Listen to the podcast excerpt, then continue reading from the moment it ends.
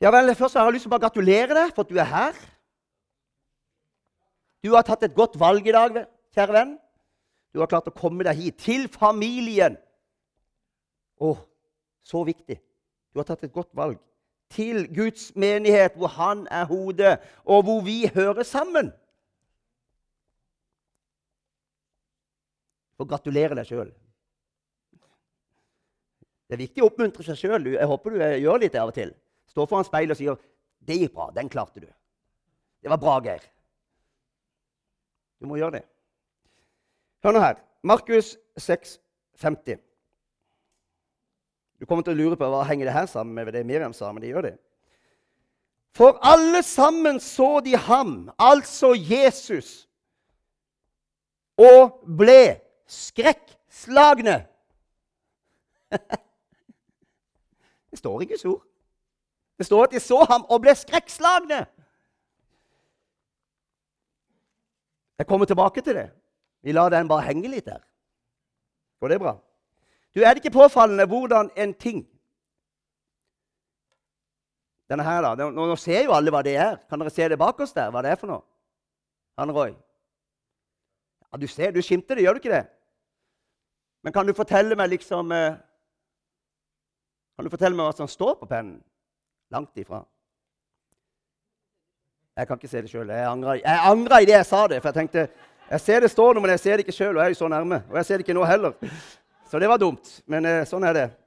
Det er veldig påfallende hvordan en ting, uansett hva det er, kan se så forskjellig ut alt etter fra hvor du ser det. Fra hvilket perspektiv. Det er det som gjør at dette her vet jo du, det er det som gjør at det er så vanskelig, eh, dette med vitner for kriminelle handlinger. Hvis du har flere, så, det, så det, kan det være utrolig hva man har oppfatta. Og veldig ofte kan det være direkte motstridende. Man har sett forskjellig. Man har egentlig sett samme begivenhet, men man har sett forskjellig. Perspektiv, og Kristine prekte glimrende forrige søndag. Det handler mye om perspektiver, om Abrahams perspektiver som barn. Du vet selv Goliat, denne fryktelige store, fryktsomme kjempen holdt på å si. Han var ikke fryktsom, men de frykta han. Han, han ville ikke sett så veldig stor ut om du hadde sett ham fra et flyvindu. Hvorfor det? Fordi perspektivet var helt annerledes. Han ville sett ganske så liten ut. Situasjonen man er i, altså man, om vi er fokusert, om vi er ufokusert, om vi er interessert eller uinteressert, om vi er forventningsfulle eller ikke har forventning, det preger perspektivet vårt enormt mye. Det har dere kanskje opplevd i eget liv. Jeg har vært på kjøretur, nå skal jeg ikke se i den retningen, men jeg har vært på tur sammen med visse mennesker som eh, sier rett ut at de har ikke spesiell eh, fascinasjon over naturen. Ja, det høres rart ut for oss som elsker å kjøre over fjelloverganger. Og det er jo så vidt vi kjører av veien vet du, når vi er på tur med mer. For vi, vi, skal jo se alt. Så vi må bytte på å kjøre så vi får sett litt hver. For du må jo følge med på veien òg. Men jeg har vært på tur med noen som eh, ikke interesserer seg like mye for naturen. Selv om vi kjørte over de samme flotte fjellovergangene, så satt jeg igjen med en opplevelse av sikkert 1000 flere detaljer. For det er interessert meg så dypt. Det er gjort undersøkelser med folk i forskjellige situasjoner. Når de i ettertid skal fortelle hva de har observert når de har vært i krise, traumer, ulykker, så er det de utroligste ting som de har gått glipp av. De har gjort sånne undersøkelser og sett sånne programmer hvor de stresser folk opp i stressa situasjoner. Og De har gjort absurde ting. De har nesten sendt inn mennesker med klovnedrap som har gått rett forbi dem. Og, og nødutgangene har vært tydelige og synlige. De har ikke sett noen verdens ting. For de er blitt så oppkava. For de var i en så stressa situasjon. De mista helt perspektivet. Og nettopp pga. det så øver man og øver og øver i alt som heter brannetater og ulykkesetater. Man øver og øver. Hvorfor det? Fordi at den naturlige, menneskelige refleksen og responsen den må på mange måter kues eller trenes sånn at man etter hvert kan respondere annerledes Hold deg fast. Du vet ikke hvor det bærer, men det bærer vel. Sånn at man kan finne ro midt i storm. Så man kan bevare klarhet her oppe midt i storm. Så man kan tenke på det man har lært midt i kaoset. Så man kan komme på utstyret sitt, så man får brukt det riktig midt i kaoset. Og hør, nå kommer det. Akkurat det jeg sier nå, har noen sterke likhetstrekk med det å leve med Herren. Det å bli fylt av Den hellige ånd. Vi bor i denne kroppen. Vi strider mot denne kroppen. holdt jeg på å si. Den vil sitt eget. Du sa jo det, Ove. Den begjærer mat. For noen fem og seks ganger til dagen. Andre litt mindre.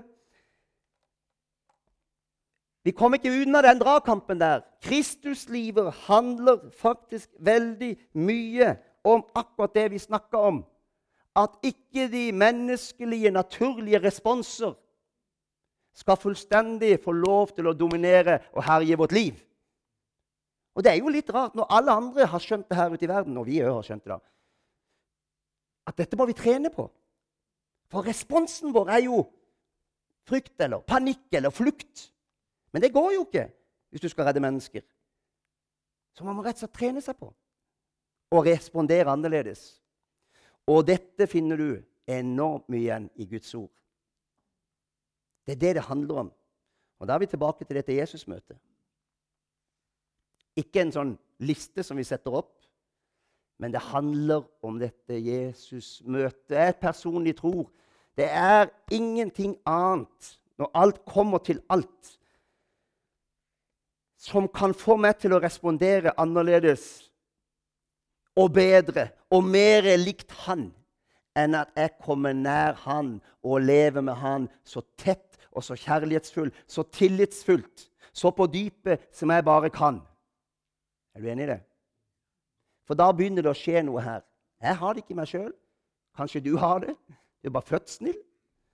Jeg sa det på bibelskolen at Vidar han, han kommer liksom ut ferdig hele ved, han. Helstøpt. Her måtte gå mange flere runder. Da lo de mer enn her. Jeg vet ikke hvorfor, men Se det bare som en glede, søsken, når dere møter alle slags prøvelser, for dere vet at når troen blir prøvet, skaper det utholdenhet. Det minner oss litt om disse øvelsene. Fordi at Når vi møter prøvelser, så reagerer vi veldig ofte likt. Dette sammen. Vi skjønner ikke hvor Gud er. Vi kjenner oss motløse. Det er kroppslige, menneskelige responser som er ganske naturlige. Det er veldig naturlige. Og helt fri kommer vi aldri fra det. Det vil alltid være en liten balansegang. her. Men derfor er, har jeg liksom ikke noe annet svar og noen annen løsning enn igjen og igjen og igjen peke på Jesus-relasjonen.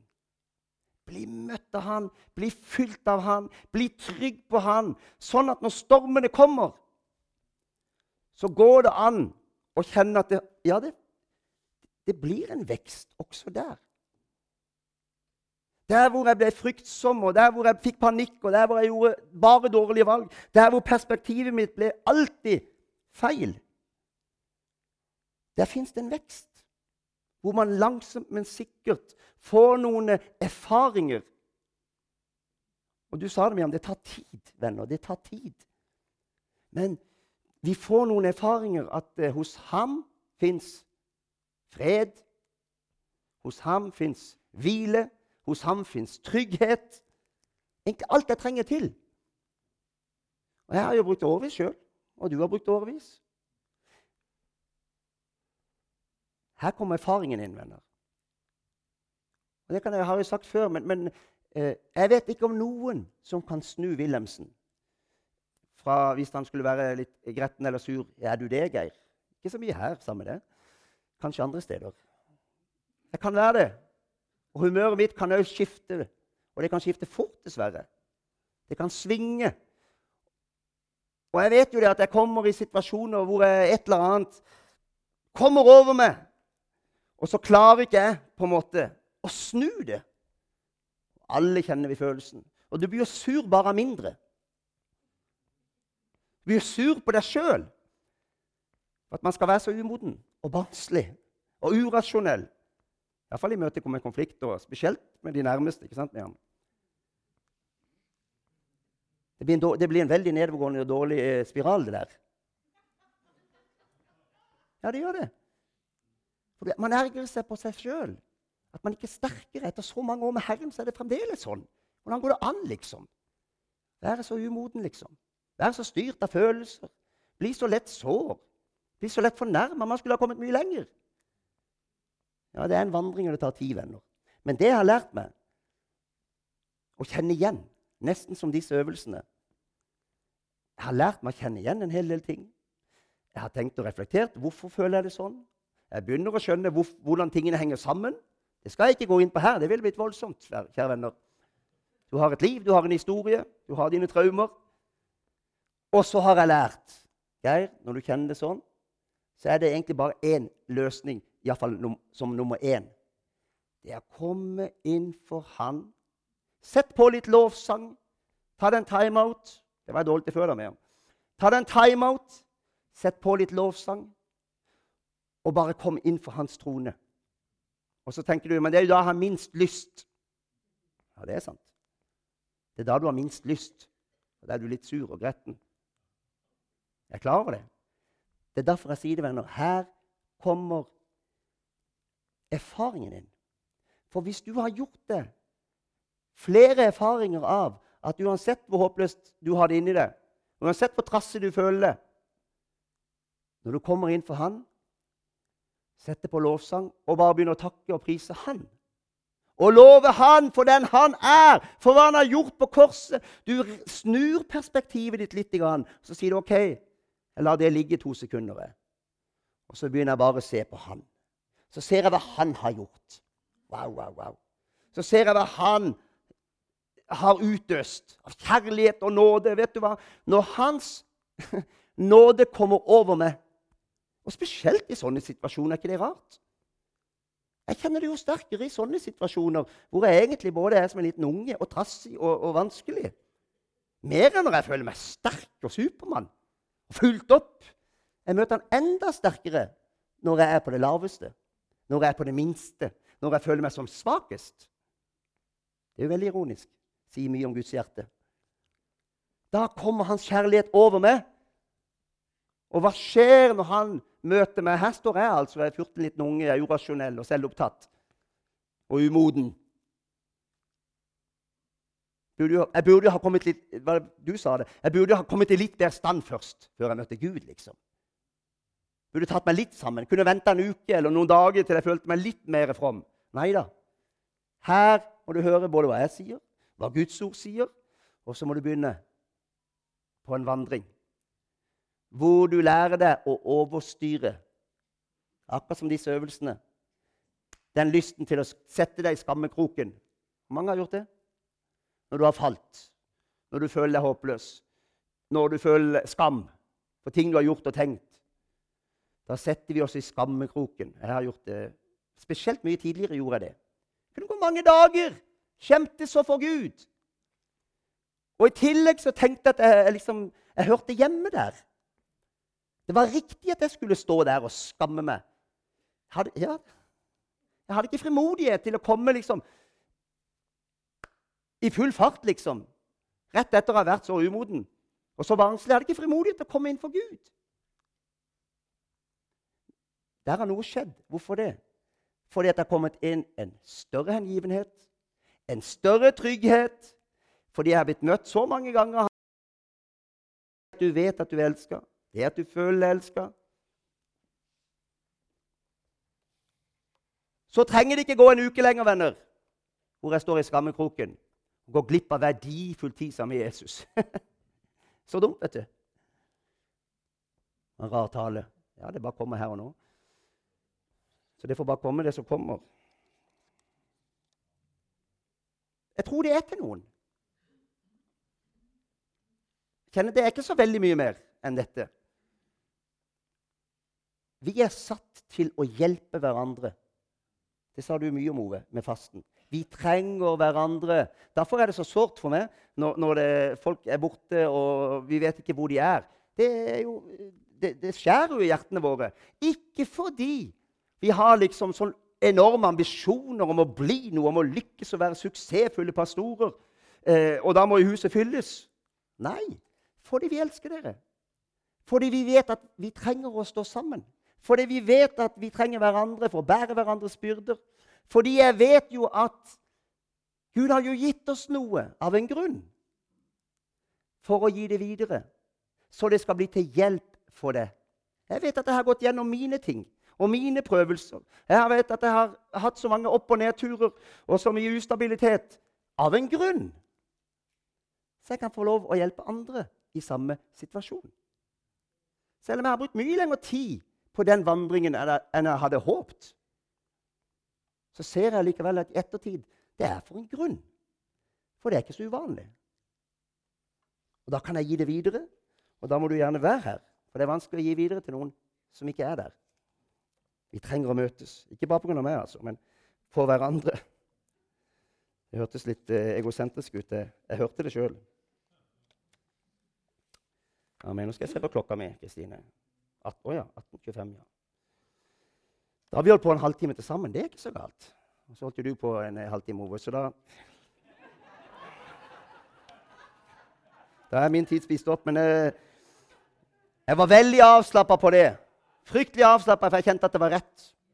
Det var rett. Vi skal stå sammen, venner. Vi skal innvie oss for Gud. Vi skal ikke nødvendigvis bare intensivere oppleggene våre, men vi skal intensivere nivået. Fylden, dybdene, kjennskapen. Bønnene. Det er noe annet, det, venner. Og når det intensiveres, så kan det godt smelle til. Og på et eller annet tidspunkt kan det bli mer travelt enn du har hatt det noen gang i hele ditt liv. Når vekkelse bryter løs, når mennesker begynner å bli frelst, og det er nyfødt i huset ja, vi, må, vi, vi må vite hva vi spør om. Da vil det gå tid, altså. Da blir det mye aktivitet. Men vi trenger dette først. Amen. Kom, lovsanger. Jeg tror egentlig jeg er bare ferdig nå.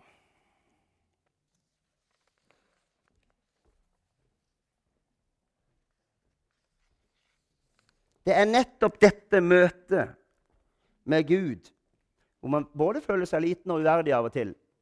Og allikevel så får vi oppleve gang på gang og uten unntak hans rettferdighet, hans trofasthet, hans nåde komme over oss.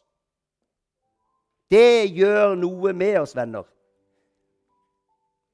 Og det er jeg holdt på å si, det er botemiddel, ikke bare botemiddel, det er liksom eh, motgiften, faktisk, til mye av dette menneskelige. Til vår egen respons. Og Da er det jo viktig at vi lærer oss å hente ut de riktige tingene i de riktige situasjoner. Så ikke vi lever et helt liv, og hver gang vi kommer i den samme situasjonen, så agerer vi helt likt. Så faller alt sammen. Og så frir kanskje Gud oss ut. Kanskje mirakuløst. Men så blir det bare til neste gang. Og så er du like febrilsk den gangen òg. For det har ikke fått feste i det. Israelsfolket, de, du sa det òg, de var sånn. Kan du tenke deg å se så mye som de så? Jeg har jo tenkt, Hadde jeg sett alt det de så, Rødehavet som sto sånn, og, og klipp, vann ut fra klippen og øh, vaktler og fugler til mat og skystøtte og Enorme ting fikk de se. Og man skulle tro ja, men det måtte da holde. Hvor mye trengte de? Og likevel så var det som om hver gang de kom rundt en sving og møtte nye problemer, så var alt det blåst vekk. Derfor står det 'Kom i hu, Herrens misgjerninger'. Det var blåst vekk. Det hadde ikke fått feste i de. De hadde ikke på en måte skjønt Guds natur og Guds vesen. Så det hadde blitt bygd tillit i en relasjon som gjorde at neste gang de kom, etter å ha opplevd ørten under, så burde de jo etter hvert tenke ja, ja, nå har han vært trofast til nå. Ja, Husker dere hva han gjorde da og da? Det er klart han vil være trofast fremdeles. Ja, det vil han. Ta med deg dine gudsopplevelser. Ta med deg Guds sannheter.